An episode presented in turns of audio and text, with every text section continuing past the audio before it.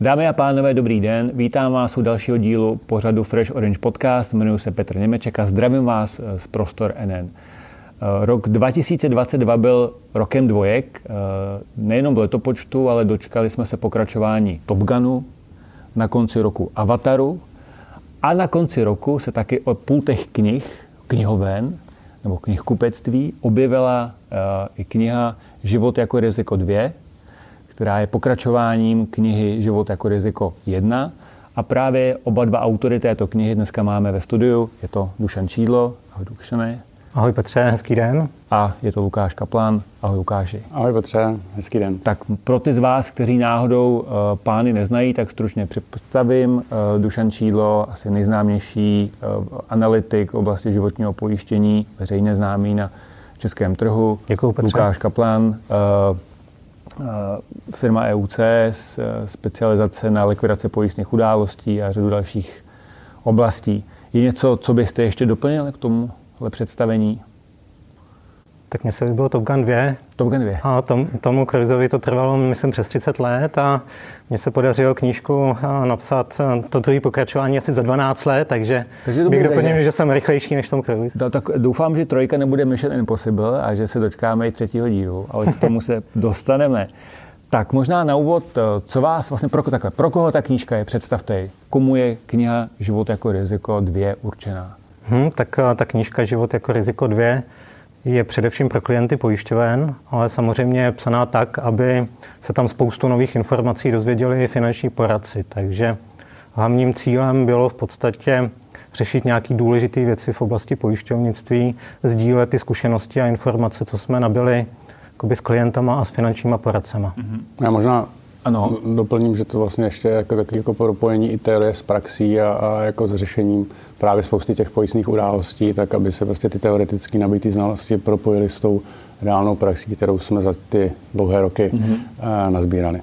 Myslím, že to 12 let mezi tím, co vyšel první díl a teďka pokračování. Uh, ta kniha je, řekl bych, skoro dvojnásobně tak eh, silná, takže určitě se na trhu odehrálo spoustu věcí.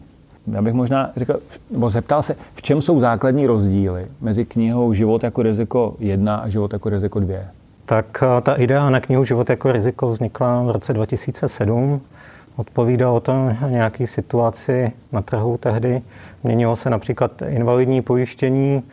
Existovalo v té době celá řada mýtů o pojištění, takže eh, ta kniha Život jako riziko 1 je hodně je více teoretická a je zaměřená třeba na konstrukci pojištění a vůbec na to, jakým způsobem by se měli lidé eh, pojišťovat a jak by k tomu měli přistupovat finanční poradci. Mm-hmm. Zatímco ta dvojka už je hodně zaměřená na likvidaci pojistných událostí, na nějaký praktický využití těch eh, teoretických znalostí, eh, co, co jsou obsaženy v tom prvním díle. Tou teorii, kterou si tenkrát ještě psal sám v prvním díle, tak v druhém jste vlastně rozšířili asi, předpokládám, hodně zkušeností z praktických případů, které jste řešili. Já musím říct, že eh, když si člověk obě dvě knihy prolistuje, tak eh, i ta kniha Život jako riziko jedna, tak vlastně i z dnešního pohledu nabízí eh, řadu zajímavých pohledů na to, jak jsou konstruovaná rizika a přesně to, co jsi zmiňoval, tak vlastně tam se ještě o invaliditě píše o tom klasickém systému plný a částečný invalidity, takže to je takový hezký, hezký připomínka toho, že přestože máme pocit, eh, že ten systém, který známe, tak je tady eh, většinou dobu, tak je to jenom 12 let a ten pohled je eh, dost zajímavý. Tady je spoustu případů z praxe. Možná dokážete, no dokáže Lukáši popsat nějaký konkrétní příklady, třeba, který tam jsou a na který si můžou čtenáři těšit.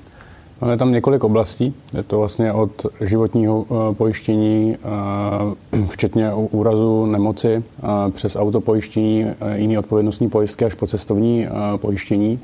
A možná jako jeden příklad za všechny, jak si Petře říkal, to, že se měnil ten systém invalidity, tak vlastně jsme řešili i, i případy, které právě nedopadly dobře v souvislosti s tím, jakým způsobem měli pojišťovny definováno, definovánu invaliditu eh, podle té původní právní úpravy, potažmo nějakým způsobem jinak upravenou eh, podle svých interních podmínek. A potom, když došlo k nějakému vážnému eh, úrazu nebo nemoci klienta, která, která byla spojená s invaliditou, tak se potom pojišťovna vlastně jako vykrucovala mm-hmm. na, na, na té definici. Takže ten, jakoby ten čas hraje jakoby velkou mm-hmm. roli a je potřeba vidět ty věci jakoby fakt v souvislostech a v dlouhých časových jako uh, úsecích, jo, že vlastně v roce 2010 a možná ještě předtím tahle ta smlouva, se kterou jsme, o které vlastně mluvím, tak ta byla dokonce uzavřena, myslím, v roce 98, mm-hmm.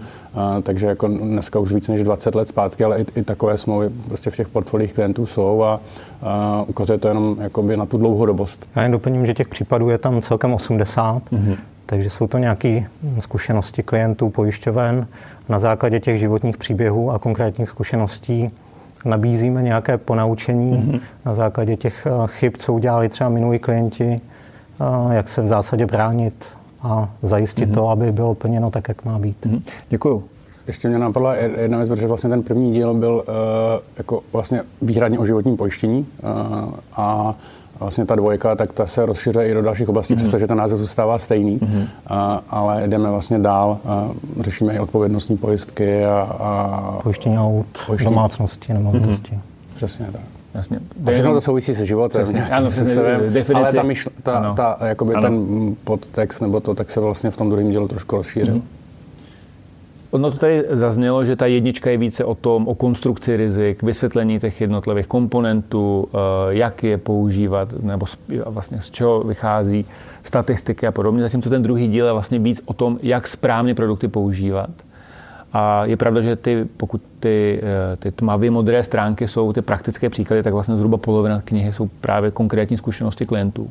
Vlastně je dobrý, já jsem, jsem si knižku četl a koukal do ní, takže vlastně u každého případu tam je popis případu, nějaké tam vyjádření klienta, jak to vnímal, vyjádření pojišťovny a pak je tam buď nějaký uh, přehodnocení, nebo tam je nějaké ponaučení pro toho klienta. Důležitá součást je tam i názor právníka. Jasně, a názor, ano, samozřejmě. Jak, jak bych mohl zapomenout. Který, který to vlastně dokáže někdy i jakoby otočit ve prospěch toho klienta, mm-hmm. přestože ty pojistné podmínky jako nebyly úplně ideální, mm-hmm. ale velmi často právě v té knižce jsou popsány případy, kdy ty pojistné podmínky nebyly napsány třeba dobře pro klientsky a ten případ neměl to řešení mm-hmm. a vlastně upozorňujeme na to, čemu se vlastně mm-hmm. poradci a klienti mají vyhýbat a předcházet vlastně těm sporům. A to trošku mm-hmm. možná souvisí s tou naší druhou eh, činností, kterou v EUC řešíme, že neděláme jenom pojistné události, ale právě se snažíme i v rámci prevence předcházet tím, že pomáháme analyzovat ty pojistné podmínky a na základě zkušeností z těch pojistných událostí vlastně poradcům a klientům eh, ukazujeme ten směr, kterým se vydat, aby, aby prostě mm-hmm. nevznikaly takové jako mnohdy jsou to jako tragédie mm-hmm. a, a lidské, a, tak aby se tohle to vlastně neopakovalo a dalo se těm, těm situacím předcházet. Mm-hmm. Já jenom doplním, že je teda zajímavý, že tam je jak pohled klienta, pohled pojišťovny i pohled právníka. A musím říct, že z analytického pohledu já jsem pochopil, že aby člověk tomu pojištění rozuměl, tak musí začít od konce a ne od začátku. Protože když se člověk seznámí s těma konkrétníma případama, kdy pojišťovna třeba neplní nebo krátí plnění, tak pak lépe si člověk uvědomí, co by měl vlastně hledat v pojistných podmínkách. Mm-hmm. Že já jsem byl třeba nějakou dobu analytik, studoval jsem pojistné podmínky, ale bez toho do té doby, dokud jsem neznal konkrétní případy, tak jsem třeba nedokázal odhalit, že nějaká věta v pojistných podmínkách je důležitá a jaký může mít reálný dopad. Takže řekl bych, že pojištění je zajímavý tím, že ta analýza vlastně by měla začínat od konce. Příklad, jo, když pojišťovna si napíše do pojistných podmínek, že může pojistné plnění přiměřeně zkrátit v nějakých jako případech, tak jako ta aplikace tady toho ustanovení, pokud není jakoby propojená mm-hmm. s nějakým reálným případem, tak je jakoby velmi, velmi všeobecná mm-hmm. a, a jakoby z pohledu analytického je, je vlastně jako riziková taková to definice, ale pokud analytik vlastně nemá tu zkušenost s tím reálným případem, tak nedokáže vlastně říct, mm-hmm. jak moc je riziková. A, a třeba tyhle ty zkušenosti jsou promítnuté v té knížce mm-hmm. a, a vlastně pomáhají díky tomu uh, jakoby propojit tu praxi a, a vlastně tu analytickou zkušenost mm-hmm. tak, aby se to, aby to bylo jako, aby to byla synergie vlastně těch oblastí. Mm-hmm. Třeba pojišťovny používají celou řadu definicí, co to je nemoc, co to je úraz, co to je loupež, co to je požár. A když to člověk čte, tak eh, třeba mu tam ty odlišnosti nepřijdou tak důležitý, ale pak když vidí tu konkrétní mm-hmm. praxi, aplikaci, tak to začíná být eh, zajímavý. Mm-hmm. Já možná uh, neprozradím snad moc, když řeknu, že čtenáři v knize najdou i vaše osobní praktické zkušenosti na cestě k poznání, kdy jste na svých vlastních zážitcích zjistili, jak je asi dobrý si analyzovat produkty před uzavřením, tak doufám, že tuhle tu část můžu aspoň trošku naznačit. Ty dvě knihy, už jsme zmínili několikrát, eh, odděluje 12 let a myslím, že to můžeme brát i takový dobrý odraz toho, co se na trhu finančně poradenských služeb v České republice odehrálo. Eh, když se podíváte na to, eh, co za těch 12 let se změnilo, tak co z vašeho pohledu, toho, co děláte, jsou takový klíčový trendy, který vidíme nebo jsme viděli? A, tak v tom prvním díle Život jako riziko je ještě kapitola Riziko dožití, takže když vznikala ta kniha, ten první díl, tak docela ještě vládlo investiční životní pojištění. Dneska už víme, že investiční životní pojištění už se příliš nesjednává, takže to je určitě jedna odlišnost. Před těmi 12 lety si myslím, že ještě poradci nevěnovali tolik pozornosti majetkovému odpovědnostnímu hmm. pojištění a že i ta nabídka pojišťoven nebyla natolik pestrá, jako je tomu dneska. Takže myslím, že ta oblast neživotního pojištění se za těch 12 let hodně posunula a poradci věnují eh, hodně pozornosti tyhle věci. A třetí věc, kterou bych možná vypíchl, je otázka digitalizace. Takže vnímám to tak, že dneska je větší tlak na rychlost a jednoduchost a to sebou určitě přináší eh, nějaké nefér výhody, ale i nějaký nebezpečí vůči klientům, o kterých je potřeba hovořit a psát. Mm-hmm. A já jsem, jako kromě toho, co říká Dušan, tak bych určitě doplnil to, že dochází jako k celkové profesionalizaci vlastně celého pojišťovnictví a finančně poradenského trhu, kdy ten trh se zajímá vlastně o ty pojistné podmínky v tom roce 2010, kdy můžu říct, že já vlastně v tu dobu jsem byl finanční poradce a snažil jsem se vlastně pro klienty vybírat co nejlepší pojištění a akorát jsem jako, uh, mě došel dech, protože jsem na tom trhu v tu dobu jako neviděl vlastně produkty, které by uh, dávaly jako takový dlouhodobý smysl, aby, aby ty svoje rizika mohly mít krytá a musím říct, že po těch 12 letech ty produkty dneska na tom trhu už vidím. A vidím i ten zájem klientů a, a poradců o, o ten obor jako takový a to celkově vede prostě ke zkvalitňování toho, toho prostředí a, možná, kdyby e, ty podmínky před těmi 12 lety na tom trhu byly jako, jako dnes, tak možná jsem dodnes finanční poradce a musím říct, že obdivuju e, vlastně vše, všechny, všechny e, kolegy vlastně z branže, kteří, kteří právě třeba znají i tu dobu mm-hmm. před rokem 2010 a jsou vlastně na tom trhu do dneška, tak že to jako je vlastně náročná, náročná hmm. profese, a, ale dneska konečně už je podle mě na tom trhu jakoby takový portfolio těch produktů pojistných, kdy fakt ty rizika lze, lze smysluplně zajistit. A to, nevím, jestli to Dušan potvrdí nebo, nebo má jakoby i jiný názor, ale že v tom roce 2010 nebo i před tím rokem 2010 třeba v oblasti invalidity jako se vlastně velmi těžko hledal produkt, který by uh, to riziko dokázal zajistit tak, aby, aby klient skutečně byl pojištěný. Hmm. Jo, to souhlasím. Ta produktová nabídka vypadala úplně jinak před těmi 12 lety, takže dneska mají poradci daleko více možností a je to vzdělávání eh, finančních poradců i klientů dneska i v době internetu a dalších vzdělávacích akademií je na jiný úrovni. No. Mm-hmm. Myslím, že je eh, český pojistný nebo finančně poradenský trh je, sice velký, ale není zas tak velký, aby mohl vznikat řada titulů určených vlastně výhradně pro něj taková trochu jako specifikum eh, eh, toho, kde žijeme.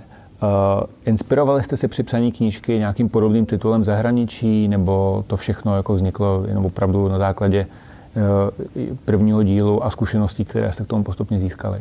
Já se teda musím přiznat, že jsem nečetl žádnou jako kvalitní zahraniční knížku o pojištění, že by to šlo tak do hloubky. Řekl bych, že Česká republika je specifická tím, co v oblasti pojištění nabízí protože například okolní země, kde jsem, kam jsem chodil na nějaké konference, tak vůbec neznají ty české vymoženosti, jako jsou klesající částky různýma způsobama, často ani úvěrové balíčky a mnohdy se v zahraničí diví, co všechno se tady nabízí, takže bych řekl, že z oblasti toho pojištění jsme hodně takový jakoby rozvinutý trh, který má širokou produktovou nabídku. No. A pokud jsem se teda něčím inspiroval, tak to bylo různými metodikami. Mm-hmm. A hlavně třeba v Německu mají uh, třeba specializované normy na finanční poradenství, mm-hmm. takže to byla asi jediná, jediná inspirace z mé mm-hmm. strany. No. A popis nějakých podobných norm tady nenajdeme? Máme tam jako zdroj uvedenou i EFPA metodiku, i tu německou metodiku, takže uh, v některých oblastech jsme se inspirovali nebo odkazujeme uh, na tyhle dva standardy. Mm-hmm. Pro, pro mě jako inspirací byly vlastně ty naše, naše případy e, klientské kauzy, které od toho roku 2012 v EUCS řešíme a pokud je o nějakou jako zahraniční inspiraci, tak možná taky bych zmínil to, to Německo, kde mm, existuje třeba pojištění jako profesní invalidity, mm-hmm. který, který třeba mm, podle mě v České republice zase tak jako rozvinuté, rozvinuté není a, a, a vidím to jako z pohledu mm, nějakého rozvoje nebo vývoje mm-hmm. toho, toho trhu u nás jako docela vlastně výzvu, mm-hmm. a, aby i na českém trhu vznikaly takové produkty, které tu jako skutečnou profesní invaliditu řeší. No, mm-hmm. Ať už jsou to třeba lékaři, právníci a, a další profese, eh, které mm, vlastně dneska může mít člověk jako zdravotní problém, který e, z něj udělá invalidu, a, eh, a, a, ale, nebo takhle, nebude moct vykonávat tu svoji práci a nebude invalidní. Já dopovím, teď se hodně mluví o umělé inteligenci, takže člověk si může zkusit, jak by umělá inteligence napsala knihu nebo nějaký text o pojištění a musím říct, že mě to uklidnilo, že ještě bude dlouho trvat a Bůh ví, jestli se to podaří, aby umělá inteligence napsala takový text, protože zatím knih nebo nějakých textů, které by se věnovaly do hloubky konkrétním praktickým případům v oblasti pojištění není. Takže takže si myslím, že to je výhoda té knížky, že se zabýváme konkrétníma případama a tématem, který zatím se příliš neřešil. Takže trvalo 10 let, eh, než vznikla dvojka a k týmu Dušana Šídla přibyl Lukáš Kaplan. Jak dlouho bude trvat, než vznikne trojka. Nevím, jestli bude Top Gun trojka, ale bude trojka život jako to riziko. Top Gun 3 by se měl už pomalu začít natáčet, takže to jakoby, ta frekvence se zrychluje. tak platí to i pro život jako riziko, protože teď jsme se dotkli věcí, které vidíme, že do budoucna by se mohly změnit. Eh, možná třetí eh, autor na u trojky bude umělá inteligence a uvidíme, jestli bude na pořadí jedna, dvě nebo tři. A jaká jsou ta témata, která jsou? Protože tady mimochodem zmíním, že tam jste píšete i o dlouhodobé péči, což mě udělalo radost. Uh-huh. O čem by vlastně tak mohla být jako trojka? Zkusme si teďka trošku e, zafabulovat, uh-huh. o čem bude třetí díl.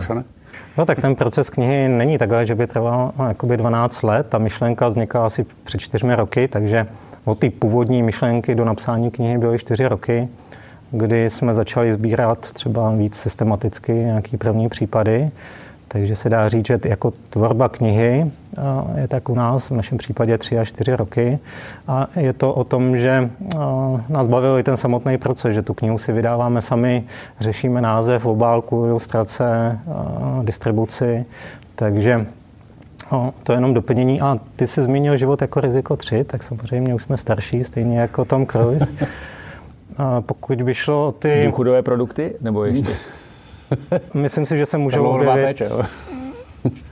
Myslím si, že se můžou objevit nějaký nový typy mm-hmm. rizik, už jsou nějaký specifické produkty. A je vidět, co přináší ta digitalizace, že některé produkty se tak nějak jako k sobě přibližují. A, a, takže si myslím, že ta role finanční operace v této době bude o tom, aby se dokázal těm různým srovnávačům mm-hmm. postavit a nabídnout eh, tomu klientovi komplexní službu. Mm-hmm. Takže kdybych mohl spekulovat, tak možná to bude takový už ne do detailu věc, ale spíš jako obecněji postavená záležitost, jak by měl ten finanční poradce fungovat v době mobilních aplikací, v době jako chytrých srovnávačů, umělé inteligence a v době nějakých nových rizik, které by se mohly, mohly objevit.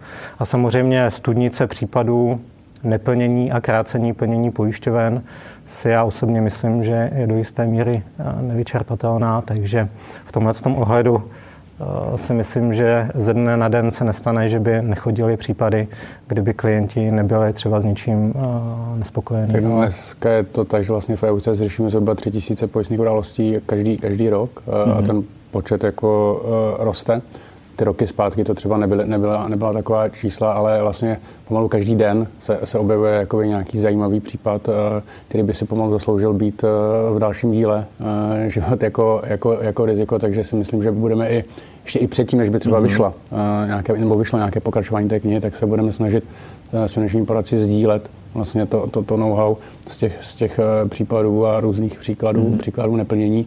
A k té teoretické části, nebo já jsme se to snažili pojmout jako celé jako prakticky, ale dá se říct, že ta první část je jako by víc teoretická, tak v, jednom, v jedné té části se věnujeme pojištění odpovědnosti, a to si myslím, že je jakoby velké, ve všech jako um, oblastech. Nejenom jako uh, pojištění odpovědnosti z provozu vozidla, ale i občanská odpovědnost. A myslím si, že tohle je směr, který minimálně za mě by se jakoby mohla rozvíjet um, to téma jako by víc do hloubky, mm-hmm. protože to nejenom jako by dneska teda říkáme pořád nový občanský zákonník, ono je to od roku 2014, ale uh, vlastně se jakoby tohleto téma stává intenzivnější a intenzivnější. Mm-hmm. Víc si lidi uvědomují, jakože když se něco stane, takže mají nárok na náhradu škody.